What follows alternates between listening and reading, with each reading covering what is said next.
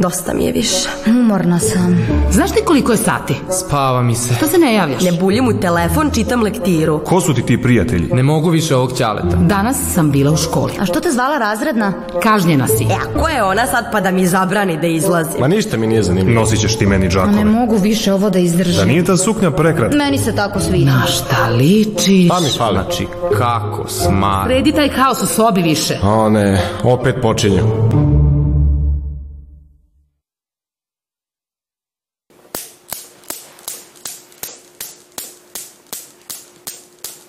Zdravo, zdravo.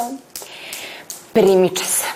Pa kako šta se primiče? Pa primiče se prijemni ispit, matura, upis u srednju školu. Dobro, znam da vam je i zadataka i zbirki priprema na vrh glave, ali da bi sve to mnogo jednostavnije i lakše prošlo, treba da budete spremni. I zato se mi danas nalazimo u jednoj školi matematike da vidimo koji su to trikovi za brže i jednostavnije polaganje te strašne male mature.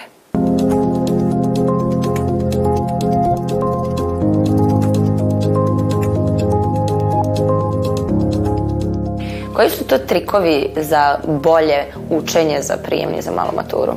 Najbolji trik za spremanje male mature jeste razvijanje volje zapravo, zato što uh, zadaci se moraju vežbati, moraju se raditi. Poenta matematike jeste da se mi stalno susrećemo sa nekim novim problemima i sa nekim kompleksnim, proble- pr- i sa nekim kompleksnim problemima i da time praktično nadograđujemo svoje znanje i pomažemo sebi kako da uh, kada se sretnemo sa bilo kojim problemima sličnim njima da uspevamo da ih rešimo. Zato je vežbanje matematike, stalno vežbanje matematike, odnosno razvijanje volje, svoje inicijative da se, da se prosto vežba i radi je ključna stvar za, za razumevanje zapravo matematike. Većina ljudi se neće susreti u životu sa nekim problemima koje će učiti u školi, odnosno koji uči u školi za sada ali sam taj proces uh, rešavanja problema, odnosno pronalaženje nekih logičkih puteva iz mesta A u mesto B pomaže ljudima da um, olakšaju sebi život praktično i, i, i bi- bilo kakve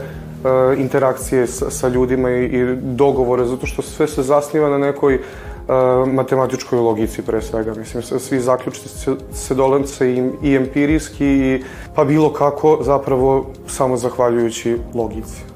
Na koji je najbolji način onda vežbati tu matematiku? Nekoliko zbirki postoji i sve su praktično dobro uređene. Postoji taj osnovni, srednji i napredni nivo. Praktično negde e, najveća preporuka da se počne od osnovnog, da, da učenik sam primeti, odnosno da samo inicijativno uradi sve zadatke koje bi mislio da zna, da, je, da, da može, kako bi eventualno one i kasnije u drugom krugu praktično zadataka proći ponovo, jer se stalno e, kada, se, kada uradimo neki zadatak, mi se podsjetimo kako neki drugi da rešimo. I onda e, nekad se ne, ne setimo ničega, pa se onda setimo uh, ka, koji je put praktično do rešavanja nekog drugog zadatka i time pomažemo sebi, time nadok, nadograđujemo sebi, nadograđujemo e, i svoje znanje.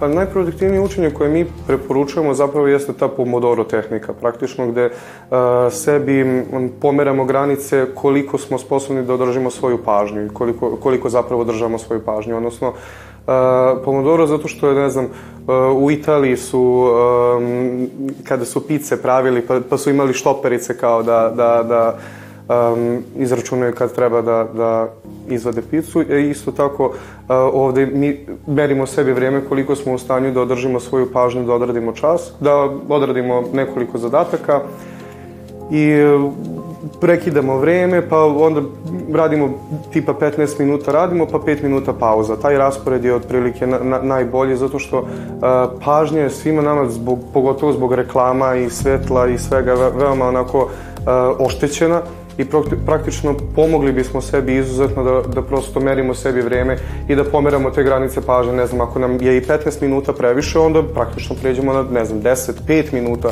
i onda kao, tako pomeramo granice koliko, koliko zapravo vežbamo svoju, svoju pažnju. Uspeh se zasniva na trudu i radu, a malo manje na talentu. Tako da, hajde da se potrudimo i da pokažemo sve to u praksi kako mi sve lepo znamo. Nataša je 2016. godine istračala Beogradski maraton za 4 sata, 5 minuta i 50 sekundi. za koliko sekundi je Nataša istrčala maraton 2016. godine? Tačan odgovor 14.750 sekundi. Podsjetimo se da je 1 minut ima 60 sekundi. 1 sat ima 60 minuta, što je isto što i 3600 sekundi. Nataša je istračala Beogradski maraton za 4 sata 5 minuta i 50 sekundi. Da bismo izračunali za koliko sekundi je Nataša istračala maraton, potrebno je da sate i minute pretvorimo u sekunde i sve saberemo. Dakle, 1 sat je jednako 4 puta 3600 sekundi, što je jednako 14.400 sekundi. 5 minuta je jednako 5 puta 60 sekundi, što je jednako 300 sekundi. Nataša je istračala Beogradski maraton za 14.750 sekundi. Zašto je u Boru i Majdanpeku razvijena obojena metalurgija? Tačan odgovor, zbog postojanja rudnika obojenih metala u okolini. Istorijat e, razvoja rudnika u okolini Bora i Majdanpeka u današnje vreme e, mi vezujemo za e, period prisidinjenja tog dela Srbiji, odnosno oslobađeno od Turaka iz 1833. godine. To su mesta u istočnoj Srbiji gde smo mi e, pronašli e, razna nalazišta obojenih metala, prevashodno bakra, i koji smo u periodu između 1833. i 1900. godine e, počeli da razvijamo. Ali tek 1900. do 1905. godine uz značajnu pomoć i finansiranje Đorđa Vajferta, čoveka koji se danas nalazi na novčanici od 1000 dinara, smo mi uspeli da to mesto tačno pronađemo i da razvijemo industriju koja se vezuje za bakar i obojene metale. Pojedine vrste riba, na primjer čikov, preživljavaju letnji period isušivanja vodenih ekosistema, povećanjem aktivnosti, zarivanjem u mulj, obrazovanjem cista, prelaskom u larveni oblik. Tačan odgovor, zarivanjem u mulj. Čikov preživljava sušni period tako što se zariva u mulj. Zašto? Čiko pripada grupi tako, riba takozvanih dvodihalica. Naime, oni dišu normalno preko škrga, međutim njima deo creva ili e, ribljeg mehura može da poprimi ulogu pluća kada nema dovoljno vode. Taj deo creva ili pluća je snabdeven bogatom mrežom kapilara i bukvalno menja pluća. E sad, kada ima vode, čikov najnormalnije diše na škrge, međutim, kako se isušuju bare, jezera, reke, on se zavlači u vlažan mulj i samo mu viri glava i otvara usta i kako otvori usta, tako vazduh ulazi u a, crevo i doći će do razmene gasova na nivou creva. Inače, dvodihalice imaju i nešto složenije srce nego normalne ribe, zato što kod normalnih riba, odnosno riba koje dišu isključivo preko škrga, kroz srce protiče isključivo dezoksigenisana krv, znači krv koja je siromašna kiseonikom, međutim, kod dvodihalica cirkuliše i oksigenisana krv. Zašto postoje sličnosti u biljnom svetu Afrike i Južne Amerike, iako su teritorijalno odvojene Atlantskim okeanom? Tačan odgovor, u prošlosti su bile deo jednog kontinenta, Pangeje ili Gondvane. Nekada davno su svi kontinenti bili spojeni u jednom.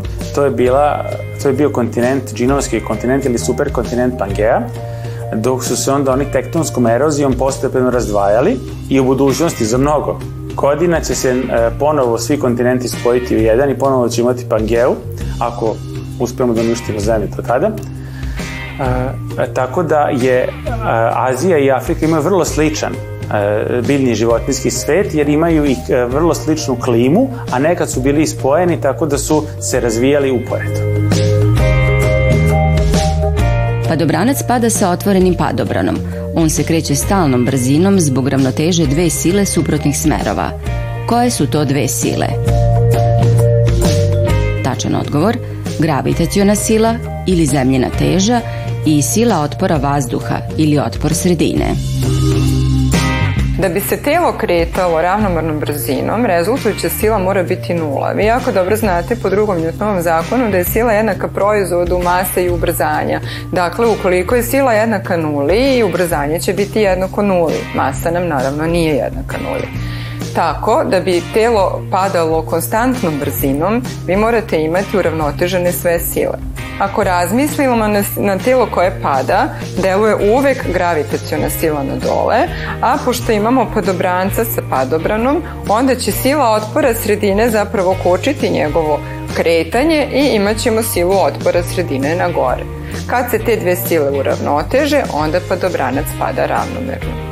Naravno, ovo se ne dešava odma, potrebno je da prođe određeno vreme da se te dve sile uravnoteže. Dakle, u trenutku otvaranja padobrana, padobranac neće ići odma ravnomerno, već će doživeti određena ubrzanja. Kuća cveća je najveća cvećara na Balkanu, dramski tekst Henrika Ibzena, mesto na kome je sahranjen Josip Broz Tito. Tačan odgovor, mesto na kome je sahranjen Josip Broz Tito. Kuća cveća nalazi se na Dedinju u Beogradu i mesto je gde je sakranjen doživotni predsednik Socijalističke federativne republike Jugoslavije Josip Broz Tito i kasnije njegova supruga Jovanka. Kuća cveća je deo Muzeja istorije Jugoslavije i jedno je od najposećenijih turističkih mesta u Beogradu.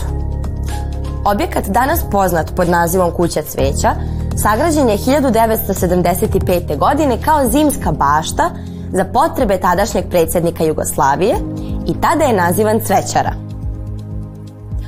Pored centralnog dijela u kome se nalazila fontana, okolo su bile prostorije za rad i odmor, radna i spavaća soba, salon, gostinska soba, biblioteka. Na suprotnoj strani od ulaza je otkrivena terasa sa pogledom na Beograd. Pošto se nalazila u neposrednoj blizini Titove rezidencije u Užičkoj 15, on je u njoj provodio dosta vremena tokom svog boravka u Beogradu. Kada je početkom 1980. godine Tito zbog zdravstvenih problema sa nogom otišao u bolnicu u Ljubljanu, on je izrazio želju da u slučaju smrti bude sahranjen upravo u ovoj zimskoj bašti. 4. maja 1980. godine Josip Broz Tito preminuo je u svojoj 88. godini za svega nekoliko dana do sahrane koja je obavljena 8. maja zimska bašta je preuređena u njegovo poslednje počivalište.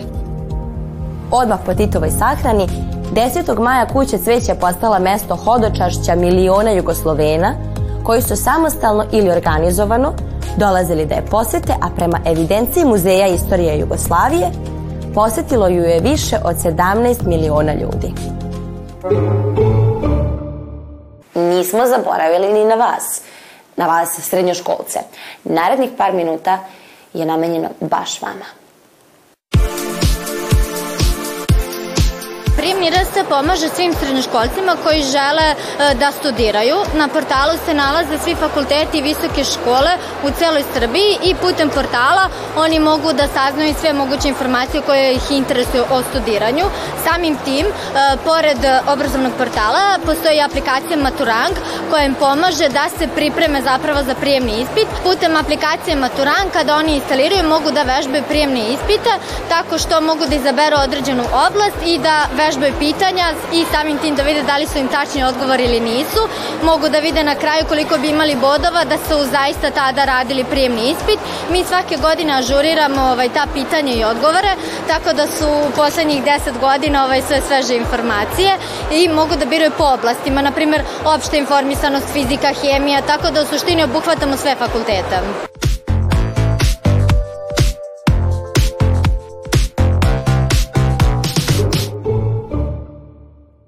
Kažu da je obrazovanje pasoš za budućnost. Zato vi ulažite u svoju sadašnjost da bi vam budućnost bila onakva kakvom je želite. A do sledeće nedelje i do sledeće emisije vidimo se.